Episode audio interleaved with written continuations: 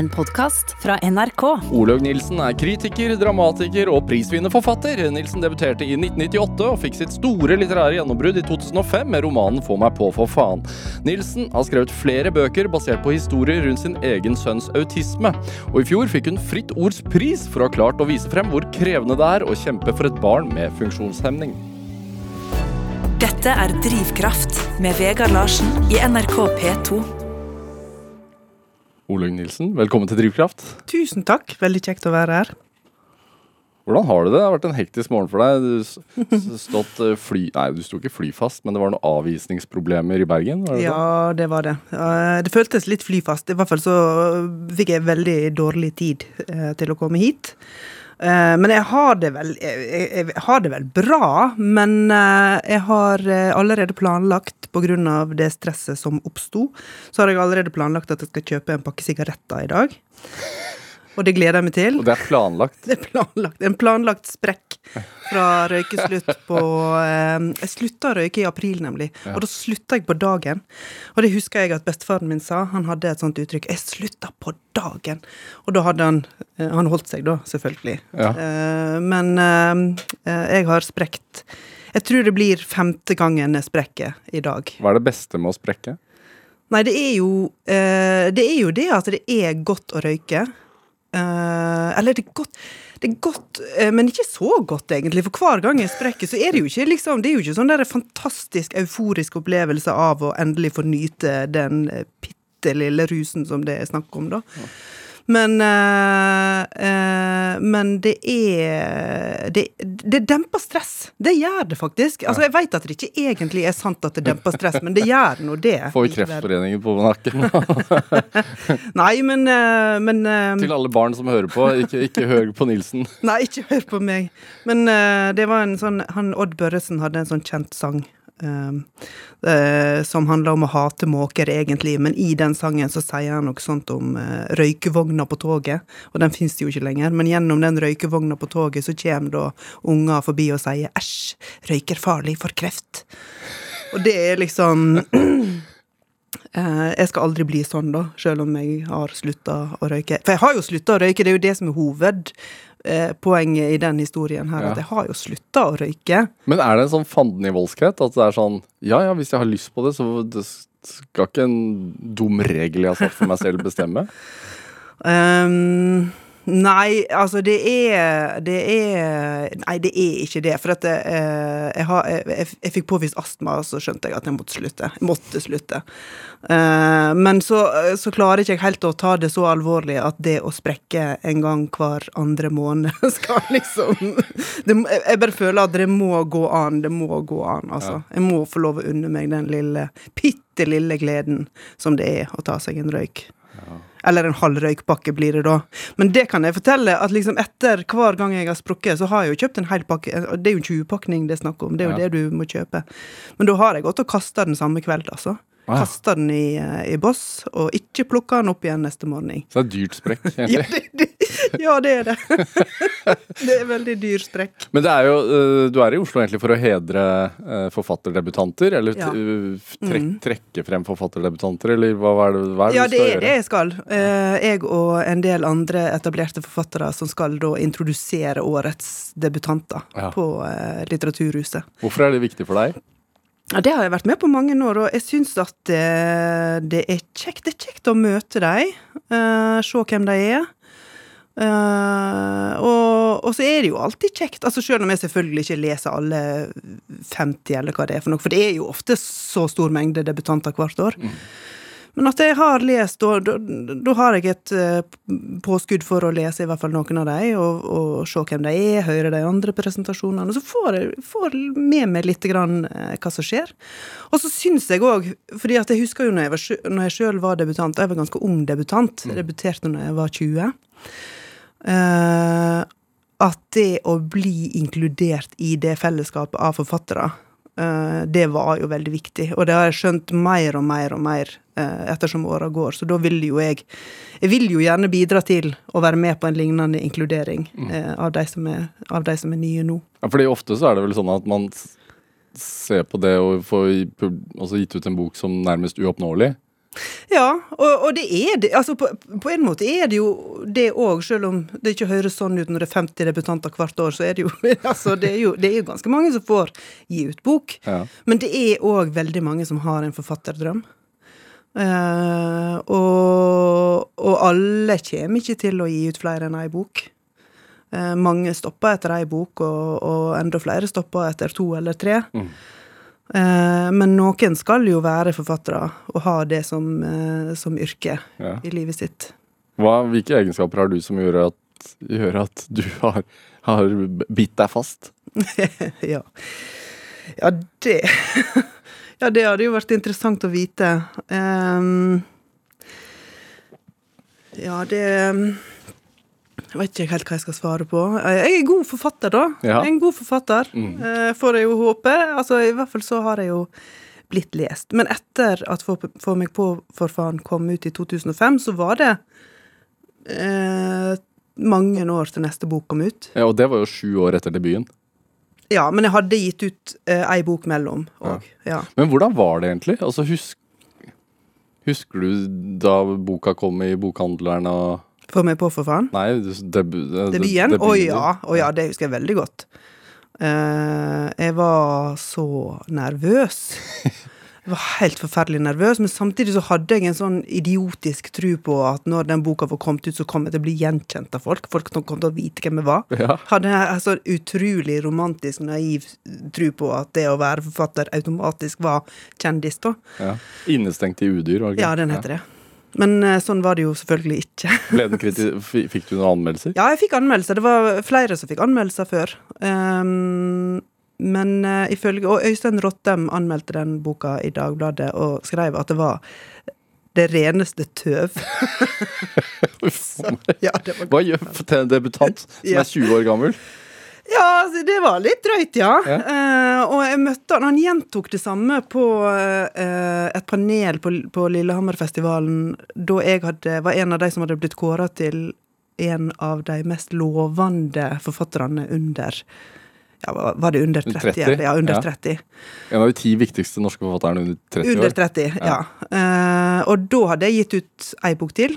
Eh, men han, eh, når han skulle være med og diskutere denne lista i et panel på Lillehammer, så, så gjentok han det at han hadde lest debutboka mi, og den var det reneste tøv. Jeg tror, altså, Sånn som jeg husker det, så var, han, så var jeg den eneste som fikk gjennomgå, eller som eh, ifølge Øystein Rottem ikke fortjente å være på den lista. Ja. Men altså, ja. Sier du, altså, når, når du møter debutantene da, på Litteraturhuset Jeg i- sier ikke i 'dette er det Nei, reneste men sier- Har du noe sånn for, Forberede deg på, Mm, ja, jeg har verste, jo. Du har, drevet, du har holdt på med Skrivekunstakademi, og ja.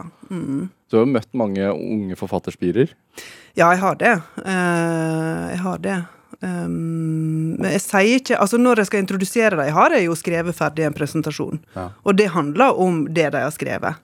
Eh, og da eh, skriver jeg jo om eh, kvalitetene i, i, i verket de har lagd, da. Ja. Og det er ikke noe sånn, det er jo ikke noe kritikk. Jeg skal jo ikke gi dem terningkast eller hjerter, som Bergens Tidende driver med. Um, så det er jo Da da er det jo snakk om å framheve det som er bra, og det de har fått til, og hva det er for noe. Så jeg skal jo ikke liksom komme med en, en vurdering eller en dom over det. Eh, men når jeg snakker med dem, så prøver jeg jo mm, Altså, det er jo, det er jo så mange nå, så, så det handler jo først og fremst om å hilse og småprate og, eh, og høre litt hvordan de syns det har gått, og så videre.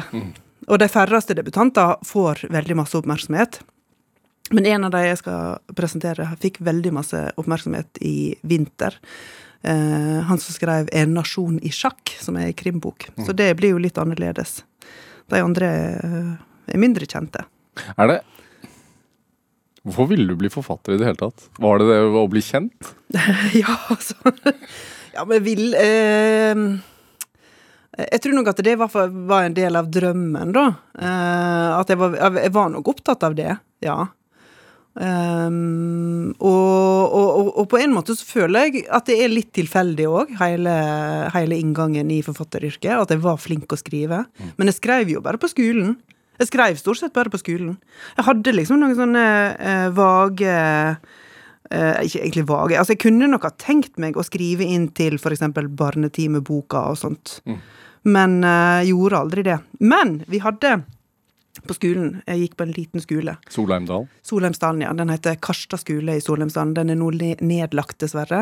Eh, Hvor i landet er det dette? Ikke, dessverre. Det er i Sogn og Fjordane. Ja.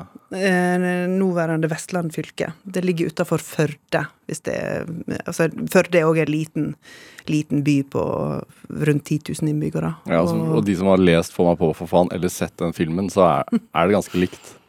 Eh, ja. ja da. Og de første bøkene mine så, så skrev jeg jo om ei lita bygd som ligna veldig på, eh, på Solheimsdalen. Jeg gjorde det.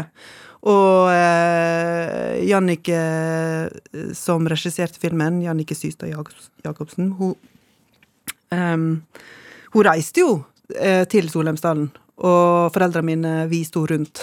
jeg var ikke hjemme på den tida, så viste de henne rundt. Og, og det busskuret som de jentene i filmen sitter i, som har noen sånne eh, barnetegninger inni seg, det er jo direkte inspirert av det busskuret som er Som du satt i? Ja, som jeg, ja, som jeg satt i. Jeg satt jo, eller stort sett så sprang jeg jo for å nå bussen om morgenen, så jeg satt nok ikke så mye i det busskuret, men eh, men, eh, men det Buskerud hadde eh, Altså, i Solheimsdalen, det har fremdeles sånne tegninger som uh, ungene på skolen var der og malte, malte innsida av busskuret. Var det en drivkraft å komme seg bort? Ja, eh, men jeg vet ikke om jeg kobla det helt til eh, skrivinga eh, den gangen. At det å skrive skulle på en måte få meg ut av bygda, altså ut og vekk fra det eh, små og, og trange. Men jeg syns nok at det var det, da. Altså det var lite å spille på. Vi var bare I min klasse så var vi bare fem stykker. Um, og på hele den lille barneskolen var vi vel 30 når jeg, når jeg gikk der. Uh, og det å komme seg videre ut fra uh, både Solheimsdalen og seinere Førde òg, det er jo klart at, klart at jeg ville det. Um, Hvem var rollemodellene dine? Uh, som forfattere. Nei, generelt. I- i- Som tenåring så tenker man vel Tenkte du på Ja. forfattere som forbilder, da? Som tenåring? Mm, nei, jeg gjorde nok ikke det, altså. Eh, ja, hvem var forbildene mine? Men nå, nå blir jeg nesten litt blank og tenker at det var jo sikkert Det var jo sikkert boyband og altså, jeg, var ikke, jeg var ikke så veldig avansert, Ja, hvilke egentlig. boyband? Hæ? Hvilke boyband? Du så noen for deg? Ja, jeg, nå så jeg for meg New Kids on the Block, men um, men, men vet du hva? Eh, ja, det var nok litt seinere, altså, men jeg var veldig Seigman-fan. Eh, og det var jo så ehm, Jeg så en sånn Seigman-video nå nylig, og jeg kjente at jeg rødma, altså. Og ikke noe, et vondt ord om dem, men, eh, men jeg syns at det var liksom så storslått og fantastiske tekster. Jeg har nok vokst noen år siden den gangen. Hva skrev du om i Innestengte juder? Innestengt i udyr eh, handler om spiseforstyrrelser. Eh, og, eh, og, og liksom en sånn overgang til å bli Å, bli, å begynne å bli voksen. Handler den vel mest om. Eh, og den eh, har noen sånne legofigurer som eh, bipersoner. Så hovedpersonen leker med de legofigurene og spiller ut sånne indre konflikter og, og og angst gjennom de legofigurene. Ja. Hva var, hva var drømmen at den boken skulle føre til? Verdens herredømme. Nei, men jeg trodde jo at den skulle bli geniforklart, da. Eller i hvert fall så hadde jeg en fantasi om at den skulle bli geniforklart, og at jeg skulle liksom eh, oppnå en voldsom oppmerksomhet. Og det er litt det samme som eh, eh, jeg skrev om i Få meg på, for faen. For det er jo ikke bare Altså, den boka er mest kjent for eh, sexskildringene av eh, Altså fra, Fantasiene. Ja, fantasiene fra en 15-åring.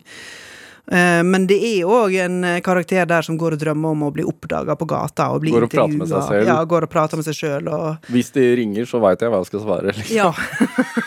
og da, men hun ville på et radioprogram. Hun ville på um, Å, men hva heter det, da? Det var Åshild Ulstrup. Eh, som hadde et sånt radioprogram der hun snakka med folk. Eh, og det ville da min karakter gjerne komme på. Hun ville at Åshild Ulstrup skulle liksom følge henne fra eh, hun sto opp tidlig om morgenen til hun kom på jobb og vaska skolebygg. Mm. Så det var Det har nok vært Det var nok en drivkraft, liksom, i starten. Var det nok det, ja.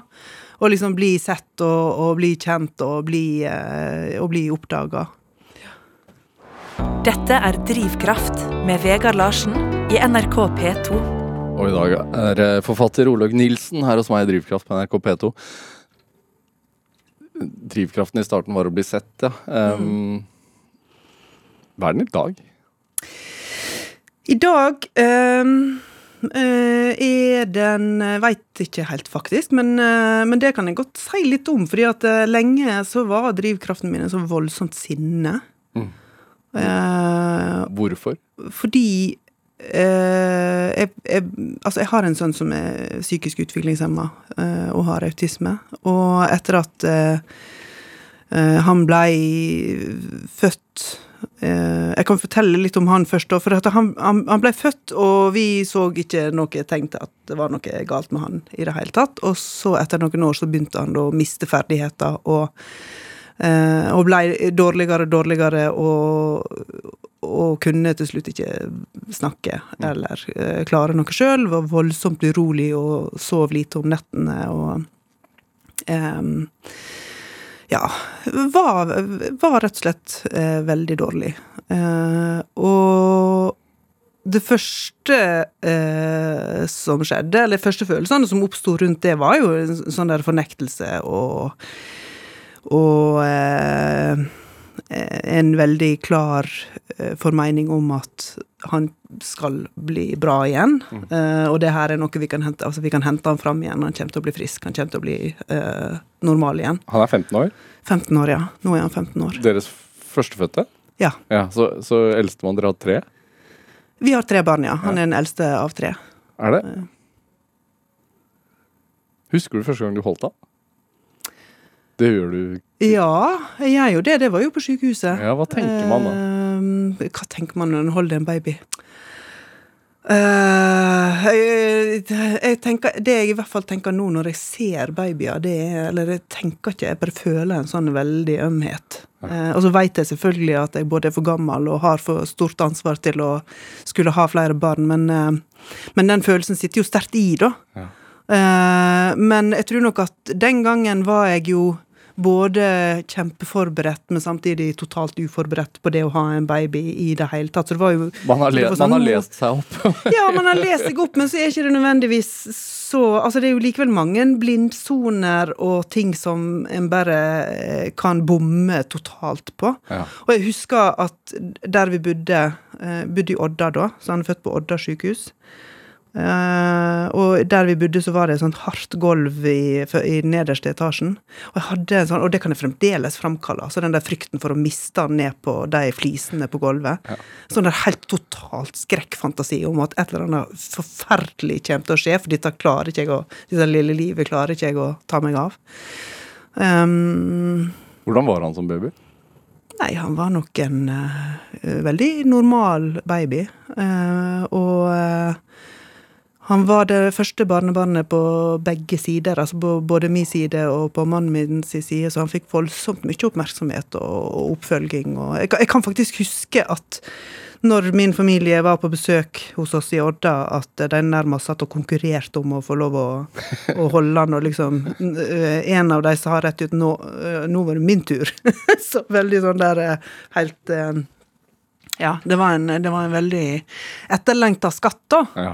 Eh, og eh, Ja, det, det, det er jo det. det å få barn er jo en, er jo en livsendring. ja. eh, for dere som er mor og far, men også for besteforeldre og alle. Ja, det er det. Hva- Absolutt. Hva endrer seg mest?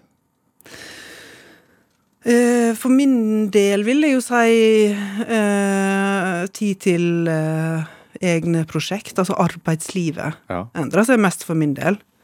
Um, og det var nok òg en litt sånn der, eh, dårlig forberedelse eller en dårlig forståelse av hva det innebar. Sant? Altså hvor masse tid jeg måtte bruke. Man tror jo at man bare skal kunne fortsette som før. Ja, ja. Ja. Uh, og, og at jeg måtte liksom senke tempoet betraktelig, da. Eller at jeg liksom Jeg fikk jo absolutt ikke gjort alt jeg ville, eller alt jeg hadde trodd jeg skulle få gjort. Han var veldig flink til å prate.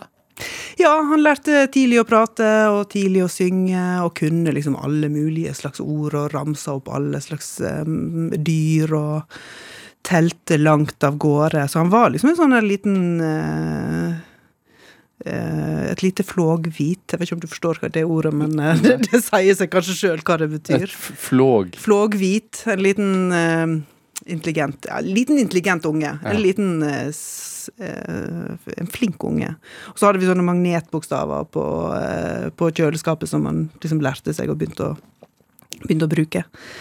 Så Og det altså, som jeg husker særlig godt, og som jeg òg skrev om i Tungtidstale, som, som handla jo om han og hva, hva som skjedde med han, at han at han kunne si Turkmenistan. og det var jo fordi at bestemora hans hadde jobb der Ja. på det tidspunktet. Men han kunne si det tidlig. Ja, han kunne si og, og kunne uttale det klart og tydelig. Turkmenistan, som er jo en veldig Ja. Ja. Så eh, ja. Når skjønte dere at alt ikke var som det skulle, da? Nei, vi måtte jo bli det fortalt, da. Vi skjønte det jo ikke sjøl. for uh, men, men når han fikk lillebror, eh, da var han tre år, Ja. og eh, da uh, merka vi at han eh, At det var noe med han, da. Og at han eh, ikke lenger snakka eller svarte. Og vi trodde at han prøvde å late som han var baby. Sjalu. Ja, at han var sjalu. At det var søskensjalusi. Mm. Um, og det, men så begynte vi å få beskjed fra barnehagen om at eh, det var noe som vi burde få undersøkt. Eh, og Mm. så begynte vi å sette i gang sånn Altså ble satt i kontakt med BUP og, og forskjellige instanser. Uh, men det var jo først da vi begynte å se litt sjøl, at han svarer jo ikke. Han uh, snakker ikke med oss lenger. Han snakker bare til seg sjøl. Han sier rare ting. Han begynte å omtale seg sjøl i tredje person. Eh, og kalte seg sjøl for gutt. Og kalte seg sjøl for eh, Daniel. Um, og så begynte han å kalle seg sjøl for Peppa Gris. Så det var jo et eller annet veldig merkelig som skjedde med han. Um, Men dette er jo ting som barn kan gjøre. ja, men ikke, ikke, ikke Altså, de bryter jo ut av det, sant? De bryter jo ut av leiken. Ja. Eh, Det sier jeg nå, sant? men den gangen så ville jeg jo si akkurat det som du sa. Dette, ja, men, det dette er det vanlig barneoppførsel. Sant? Det er ikke noe galt med det. Er helt vanlig.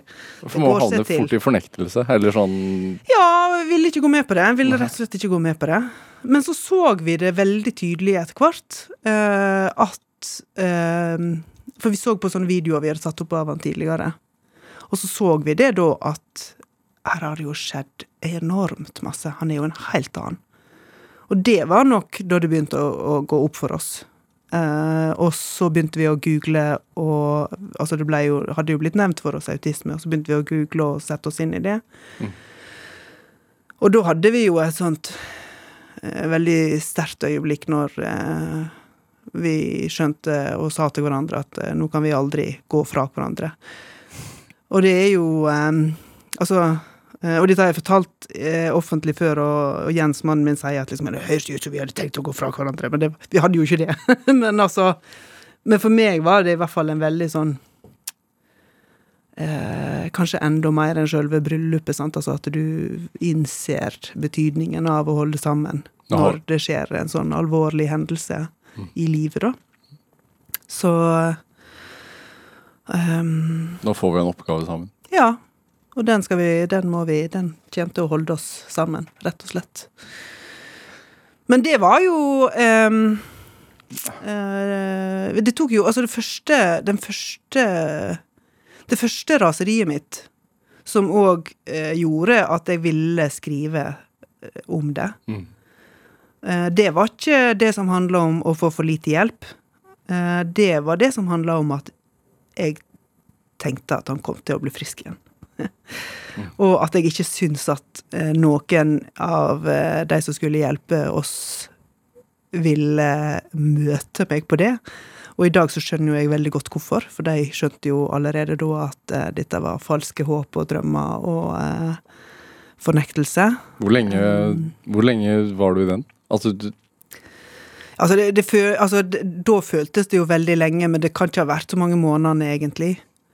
Um, men boka 'Tungtidsdale', som kom i eh, 2017, den kom da noen um, Noen år etter den første diagnosen. Men jeg har forma den boka som ei reise mot aksept av at det òg var psykisk utviklingshemming. Mm. Eh, og selv om det i virkeligheten ikke skjedde akkurat sånn som i boka, så var det sånn for meg at jeg ville ikke at han skulle få diagnosen psykisk utviklingshemming. Fordi autisme kan jo være så mange ting. Mm. Hva, er, hva er autisme? Autisme er uh, en uh, forstyrrelse Altså det, Ja, hva er det? det? Autisme er en Du er ikke nevrolog eller lege, så Nei, jeg er ikke det, men, men altså, det, det handler jo Altså, jeg, jeg- kan vel si det sånn, da, at først og fremst så handler det om eh, at evnen til det sosiale Altså den sosiale forståelsen er ikke så god, da. Det er liksom kanskje Det, det er jo kanskje kan, Kanskje hovedtrekket ved autisme, men det er eh, eh, Altså, funksjonsnivået til personer som har autisme, det varierer helt enormt. Eh, og de som har det i såkalt mild grad, da, mm. som tidligere ble kalt for Asperger, den diagnosen er på vei ut, nå skal alt hete autisme. Um, de kan jo ha eh, veldig store utfordringer, nettopp fordi at det er jo mildt, men likevel ei stor utfordring, og at det kanskje er vanskelig å få aksept for at en trenger hjelp. Eh, men sånn som min sønn, eh, som har da autisme og psykisk utviklingshemming, um, eller vi kunne ha sagt tung autisme, eller liksom Regressiv autisme er ja, det som ja, har blitt og det er jo, og det var jeg veldig opptatt av til å begynne med, at, vi skulle, at det skulle hete regressiv autisme, og det gjør jo det. Ja. Og det, eh, det peker på det at han mista ferdigheter. Ja, så han var At han var eh, Ja, eller framsto vanlig, ja. Og så skjedde det noe som gjorde at han eh, fikk disse autistiske trekka, da. Men sånn som jeg tenker om det i dag, så tenker jeg jo at han var jo selvfølgelig født med dette. Eh, men at eh, det skjedde liksom ei skeiv utvikling, da, som gjorde at Altså, at det, det kom etter hvert, da. Det raseriet er veldig lett å forstå. Ja. Det er jeg glad for å høre. Men eh, og, og det er jo det, selvfølgelig er det det. Men det er jo pinlig å tenke tilbake igjen òg, på en måte, fordi at liksom det er jo en sånn derre eh, Det er jo det, det er òg irrasjonelt, fordi at I alle fall når jeg veit det jeg veit i dag. Man vil jo helbrede, man vil jo redde, Ja. man vil jo Ja. Man vil jo fikse barnet. Ja. Vil fikse barnet. Og så gikk ikke det an. Og det var ikke lett å ta inn over seg, altså. Um, men det som var nok frigjørende, og som jeg òg skrev om i Tungtidsdale, det var For til å begynne med, for vi kom jo med de videoene våre. sant? Liksom, Se her, han kunne synge. Se her. Se på han. Se, se hva han kunne. Se her teller han til ti. sant? Altså, her er Se her synger han med faren sin. Ehm, men veldig ofte så eh, ville jo de som vi viste videoene til, ikke kommentere det engang. Liksom bare eh, avvise det da uten å si så masse. Ehm, men jeg kan huske første gangen en person fra, som, som, skulle, som holdt på med den diagnostiseringen, sa til oss at jeg ser at han hadde et helt annet funksjonsnivå i den videoen. Jeg, jeg begynner nesten å grine bare av å si det nå, fordi at det var et sterkt øyeblikk, og helt avgjørende og viktig øyeblikk for meg for å liksom kunne gå videre. For det Det var jo eh, Altså, det sinnet som jeg kjente av å bli helt avvist i det vi viste fram, da. Mm. Se hvem han var. Eh, at det var nok eh, sterkere og verre enn det å måtte akseptere eh, virkeligheten. Altså måtte akseptere at det var Altså hvordan det var nå, da. Hvordan var man da. At han var jo eh, en annen enn den gutten på videoene. Så det var Ja. Hvordan Det med den aksepten. Mm. At det ikke fins medisiner, det fins ikke noe Det håpet, da. Mm. Hvordan er det i dag? Nei, jeg håper ikke Eller håper, jeg kan jo alltids håpe uh, at uh, Daniel skal begynne å snakke mer. Uh, at han skal klare å kommunisere mer av sine behov. Men jeg klarer ikke lenger å se for meg at han skal forvandle seg til en fullt ut fungerende 15-åring. Det har bare forsvunnet. Men Men det betyr jo ikke at jeg syns at livet hans er verdiløst sånn som det er. Um, det betyr ikke det, altså. Og uh, Men det var litt rart å si det. Dette tror jeg ikke jeg har sagt høyt før, at uh, jeg ikke håper at han skal bli en fullt ut uh, fungerende. Men, men, det er sånn, og tar jo, det tar jeg nok bare for gitt, sånn som det er nå. Fordi det har vært sånn så lenge at han har trengt så enormt masse hjelp. Og hjelpebehovet har jo overskygga hele den der eh, Alle de følelsene som, eh, som, vi hadde rundt tap av ferdighetene, og, eh, og, følelsene som vi hadde rundt at vi ville at han skulle bli frisk igjen, og alle de tapte mulighetene. Um, det gikk nok ganske fort at uh, det blei mer Altså at den hjelpa han trengte, både altså den praktiske hjelpa han trengte mm. til enhver tid, og det stresset, raserianfallene og utageringene utløste både hos oss foreldre og etter hvert hos to søsken, da. Mm. Um, at det var jo det vi måtte bruke alle, alle våre krefter på å fokusere på. Så det var ikke så masse plass igjen til å føle så masse. Um, så, ja. Du, du, du, skriver jo om dette her i Tungtidstale, som, du, som du har nevnt. Eh, som du også vant Brageprisen for. Og om hverdagen er utfordringene, skjemaveldet. Mm. Og så skriver du jo også i romanen 'Yt etter evne og få etter behov'. Selv om det er en roman med en mm. fiktiv familie, ja. så skriver du om følelsen det, Hvordan det påvirker en familie. Mm. Var, Hjalp det? Hva, om hva hjalp? Å skrive? Å ja, å skrive bøkene! Det hjalp nok oss. Ja. Uh, det er jeg ganske sikker på. Uh, og, og, jeg veit at i alle Altså, jeg veit jo altså i alle fall Tung tids tale, men begge bøkene egentlig har nok vært til stor emosjonell støtte for veldig mange andre. Særlig Tung tids tale. Det veit jeg veldig godt, fordi at jeg fikk utrolig masse tilbakemeldinger på det. Hva, jeg, hva, hva sier de, tilbakemeldingene?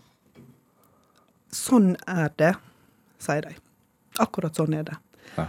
Uh, og, uh, og, jeg tror at uh, veldig mange Eller det, jeg ikke bare tror, det vet jeg at veldig mange har opplevd at det å snakke om alle de forferdelig vanskelige følelsene rundt det å ha et så sterkt funksjonshemma barn, mm og, og, det å snakke om hvor Ja, altså, altså et, et sterkt funksjonshemma barn som ikke kan gjøre greie for seg sjøl, og som ikke kan stilles til ansvar for seg sjøl, kan ikke klandres for å være voldelig.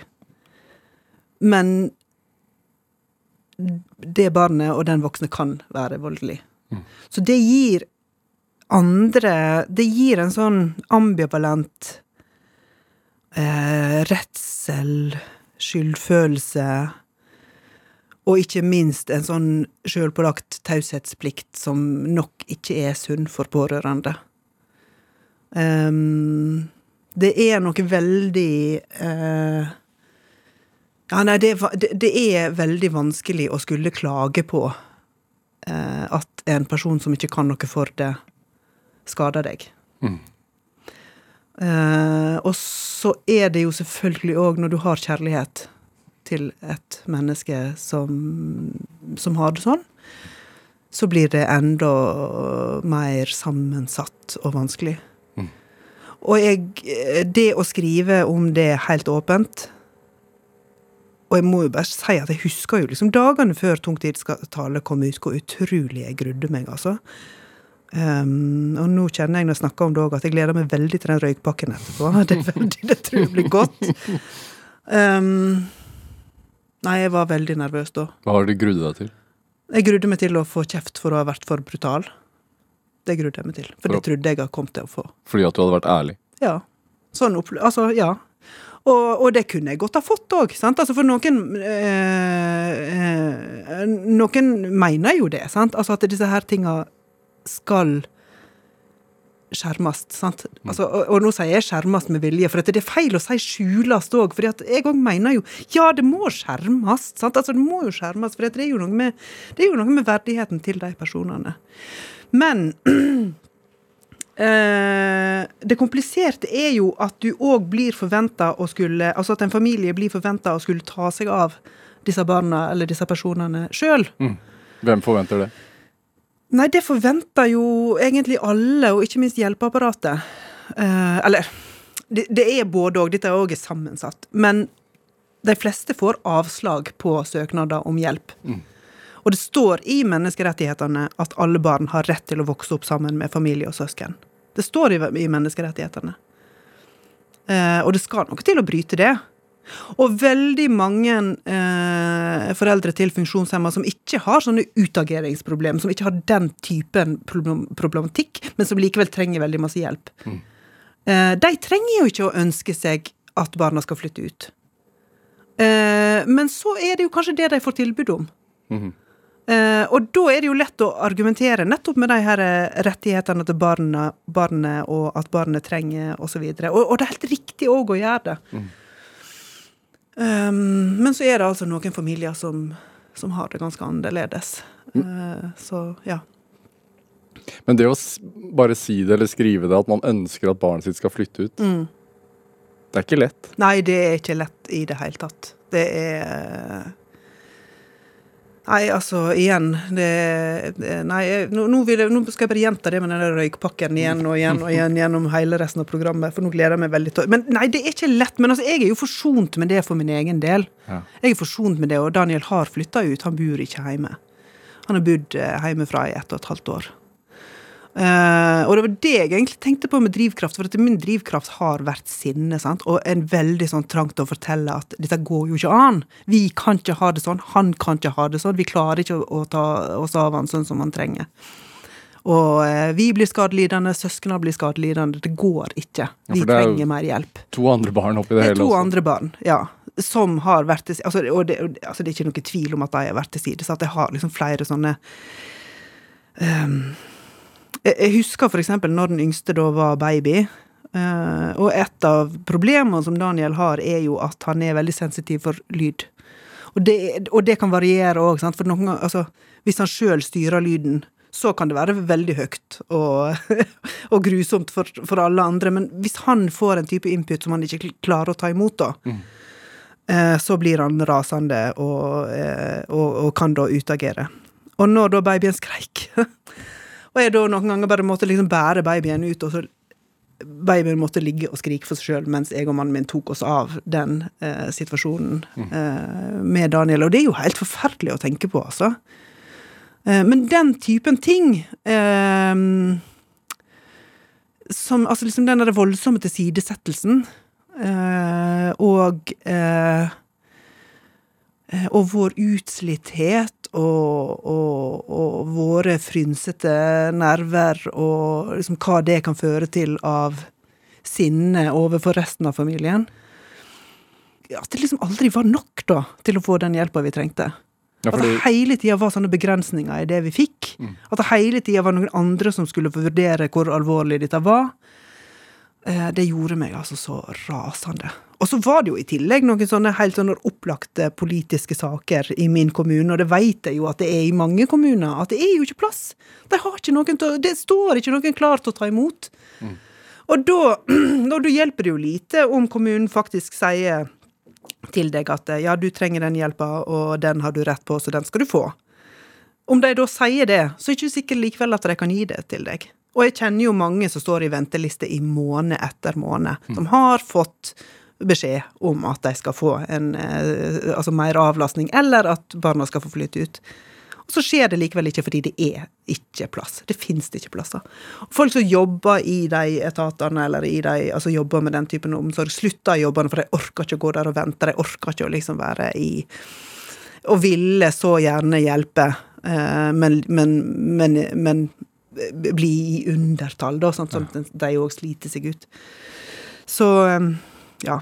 Åh, Nei, det er, ikke, det er ikke kjekt å snakke om. Og det er nettopp det. Men nå har jo Daniel flytta ut. Han har bodd ute av, eh, i ett og et halvt år, og det går bra. Han har det bra, og vi ser han ofte, og det går fint. Eh, og, altså, når vi er sammen, så går det fint. Så vi har det bra. Og, og, eh, og jeg har ikke eh, eh, Jeg er ikke så sint lenger. og jeg vet ikke helt hva jeg skal være da. Sant? Jeg vet ikke helt liksom hvordan jeg skal eh, for, at, for, at- for at jeg tenker jo som så at liksom, ok, jeg har disse erfaringene. Og jeg føler en sterk forpliktelse til å bruke den stemma jeg har, til å fortelle om disse erfaringene, og prøve å gjøre det bedre for flere. Men jeg kjenner faktisk på det at ok, men nå har jeg det bra. Åh, så deilig. sant? Altså, nå kan jeg senke skuldrene. Nå er det min tur. og da er det liksom Hvordan skal jeg med overbevisning eh, klare å være predikanter for at alle de andre som har opplevd eller stått i akkurat det samme som det vi sto i eh, Hvordan skal jeg klare med samme overbevisning? Hva er det som skal få meg til å eh, stå, på stå på barrikadene med den samme gløden som, som jeg hadde når det var meg sjøl det gjaldt, da? Mm. Men må du det, da? Du har jo skrevet to bøker ja. om dette. Jo, jeg føler jeg må. Jeg føler jeg må. Jeg føler en sterk forpliktelse. Og jeg sitter i et eh, utvalg, eh, regjeringsutvalg, som heter Mangfold- og likestillingsutvalget. Mm. Um, og Uh, og jeg syns jo Altså, jeg skal ikke si at jeg ikke gjør en god jobb der, for det syns jeg sjøl at jeg gjør. Jeg gjør, fall, altså, jeg gjør jo det jeg skal. Uh, jeg gjør jo det jeg skal der. Em, men ja, nei, nei, må og må. Jeg må jo ikke, men jeg føler en sterk forpliktelse. Ja. Men det er en sånn der eh, Det er nok ei eh, voldsom overgangsfase for meg nå, altså. Um, at uh, jeg forstår ikke lenger helt hva jeg føler når jeg ikke lenger bare er sint hele tida. Sånn der eh, Kanskje, kanskje Olaug Nilsen, kanskje vi skal spille litt musikk? For å, ja. Du har med en låt av Aleksanders Snugtime Band. Nei, det er Ivar Medås, men sangen heter Aleksanders Snugtime Band. Det er sånn det er, ja. Ja. Hva er dette her for noe? Nei, det er Det jeg veldig rar ingenting om. Nei, dette er en veldig, eh, det er en veldig rar uh, låt, Ja. uh, som jeg har tatt med for å understreke min uh, særegne nynorsktilknytning. Uh, Ivar Medås var da Du veit jo hvem, vet hvem Ivar var, ja. Vet hvem Mm. han var. Men han hadde både sine egne låter, men han hadde en del som var sånn oversatte fra, fra eh, amerikansk musikk. Og den her er nok et eksempel på det. Jeg trodde dette bandet hadde laget en låt som het Ivar Medås. skjønner du? sånn var det ikke, det var omvendt.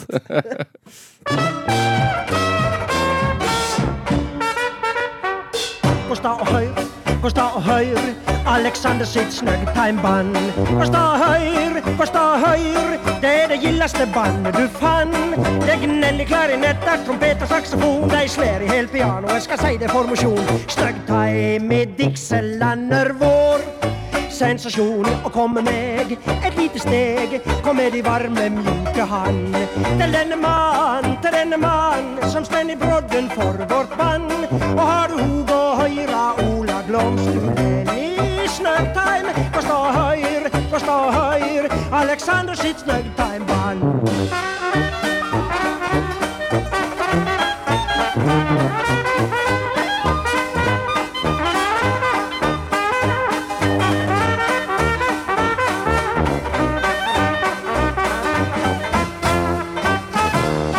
Sai-ta-dei-ta-di-la-den-dei-dei, dilja-duten-dut, didle-duten-duten-dei. Gå sta og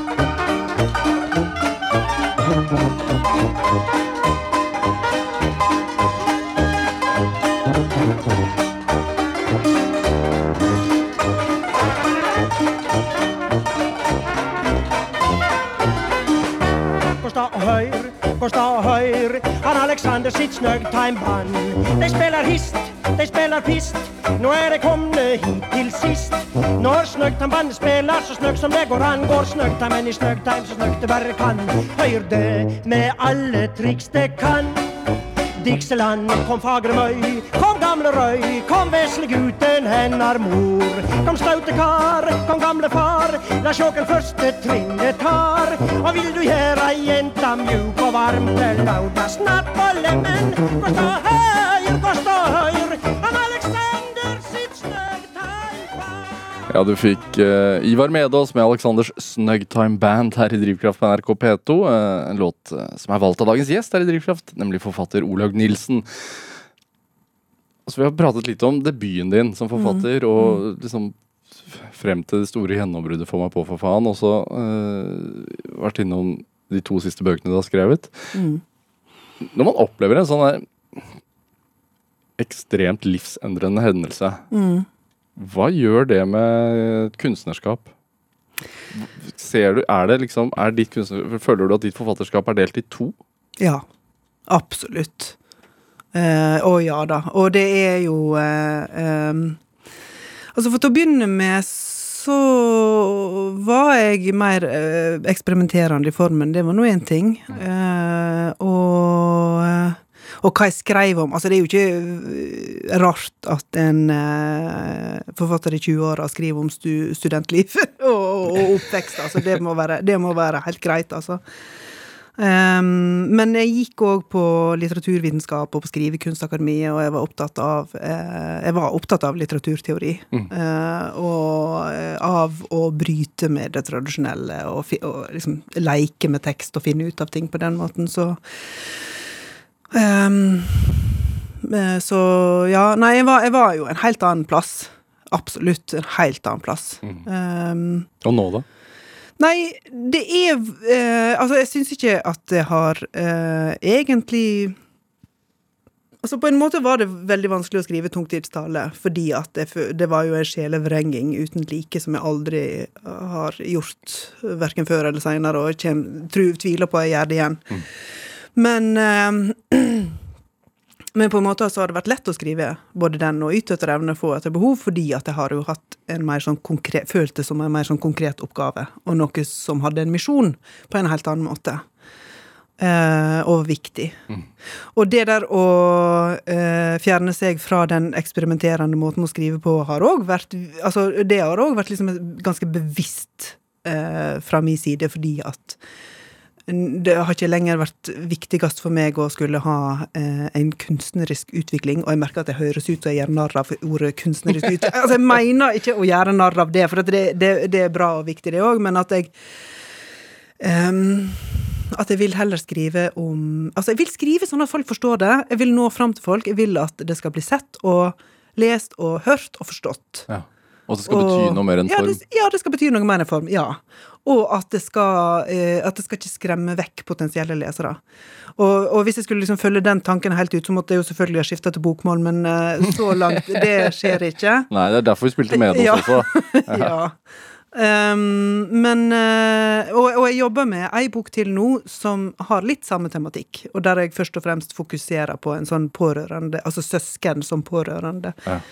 Eh, fiksjon, det òg, da. Um, men, men jeg har nok tenkt en del på, eh, på samme måte som jeg sa i stad, at jeg vet ikke helt hva jeg skal, altså hva jeg skal føle når jeg ikke lenger er sint. Eh, at jeg vet ikke helt hva jeg skal skrive heller, sant. Altså videre etter dette. Mm.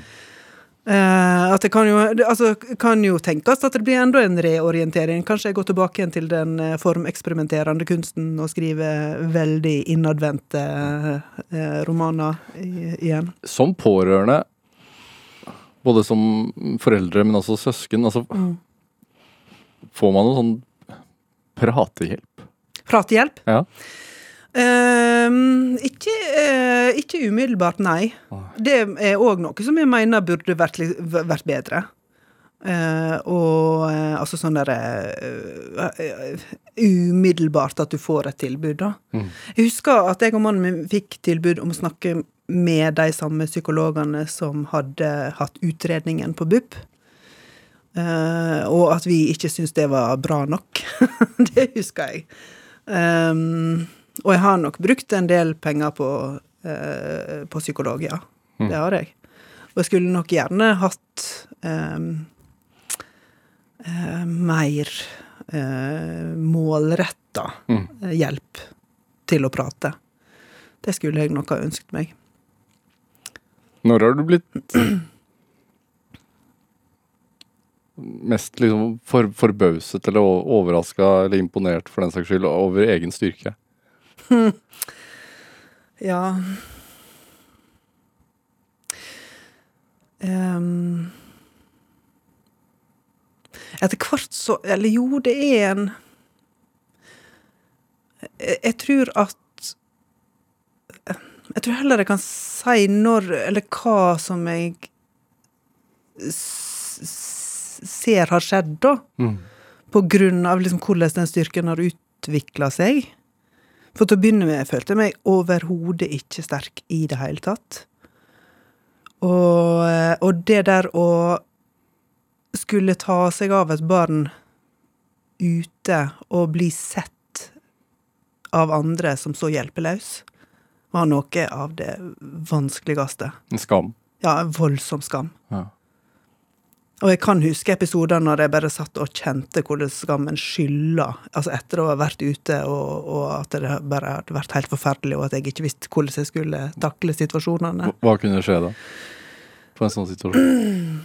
Nei, eh, for eksempel da eh, på tur at jeg ikke fikk med meg eh, Daniel i det hele tatt. Han ble liggende og, og, og ja, sleike på bakken, da, for å være grotesk konkret.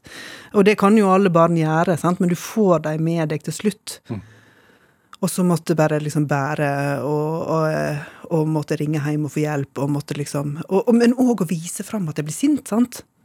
Og blir sint og frustrert og ikke klarer å håndtere det og skrike sjøl. Mm. Sånne ting. Um, og så Men så etter hvert å slutte å skamme meg, og jeg veit ikke egentlig om skammen er noe jeg skyver vekk, eller om jeg bare slutter, om, jeg ikke føler den lenger. Jeg er ikke sikker.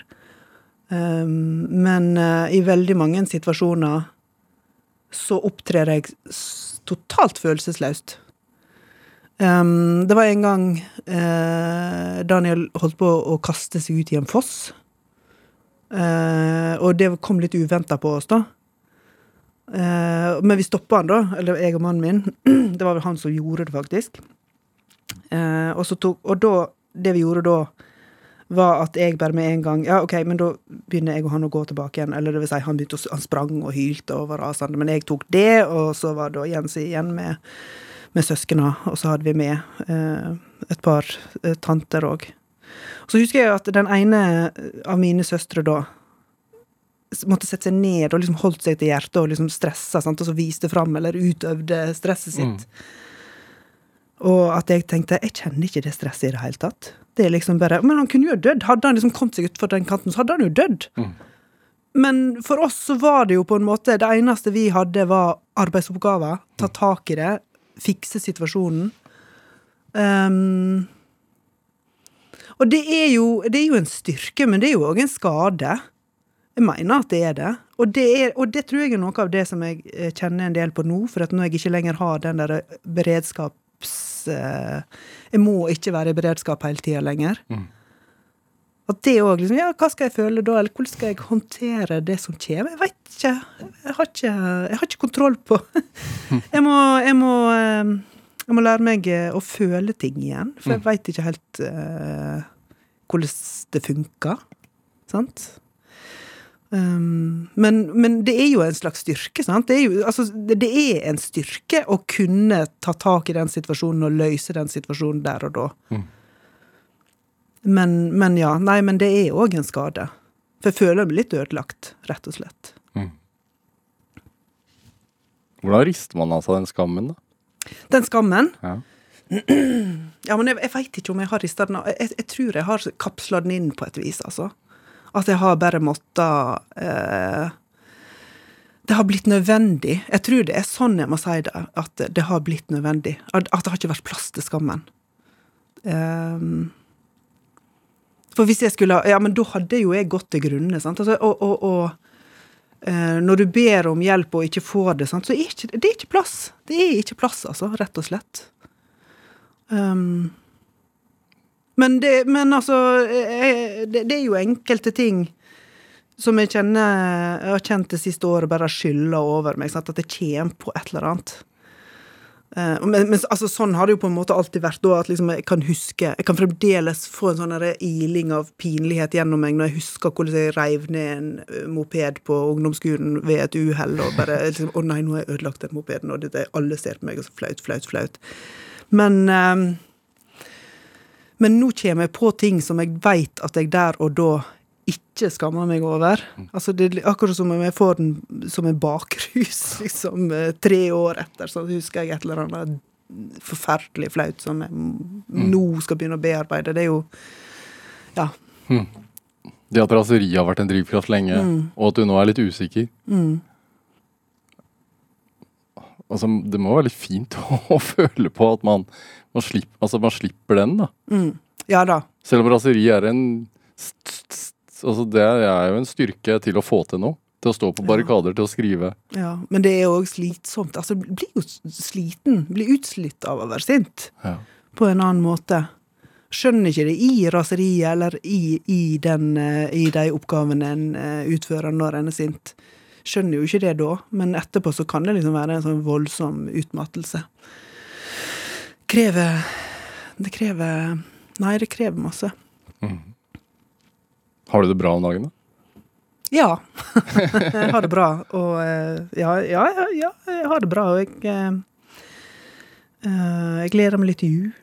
Um, ja, og så jeg Og så har jeg sånn, satt meg noen mål. Jeg har begynt å trene styrke, og nå Det høres ikke mye ut, da, men uh, jeg har liksom en plan om at uh, på bursdagen min 28. desember så skal jeg løfte 50 kilo i benkpress. Det er litt masse for ei dame, da. Men ikke så masse. Det er ikke så masse. Men det er jo et fint mål, da. sant? Og det er jo en fin ting å tenke på. Og sånn jeg har blitt kjent med deg i den timen her, Olaug Nilsen, så, så har jeg virkelig troa på at du kommer til å klare det. Ja. Olaug Nilsen, tusen takk for at du kom hit til Drivkraft. Takk for at jeg fikk komme. Hør eh, flere samtaler i Drivkraft på nrk.no eller i appen NRK Radio. Send oss eh, gjerne ris eller ros, og også tips til mennesker som du mener har drivkraft. Send en e-posten til drivkraft.krøllalfa.nrk.no. Vi hører veldig gjerne fra deg. Produsent i dag var Ellen Foss Sørensen, mens Camilla Bolling-Muir bidro med research til denne sendingen. Dette var Drivkraft. Jeg heter eh, Vega Larsen. Vi høres. Du har hørt en podkast fra NRK. Hør flere podkaster og din NRK-kanal i appen NRK Radio. I den tida syns jeg sånn sett alt var fantastisk. Hei, jeg heter Kaja Frøysa. En dansguru har i flere tiår fått med seg eventyrlystne norske ungdommer til å jobbe gratis for sin idealistiske og omreisende folkehøyskole.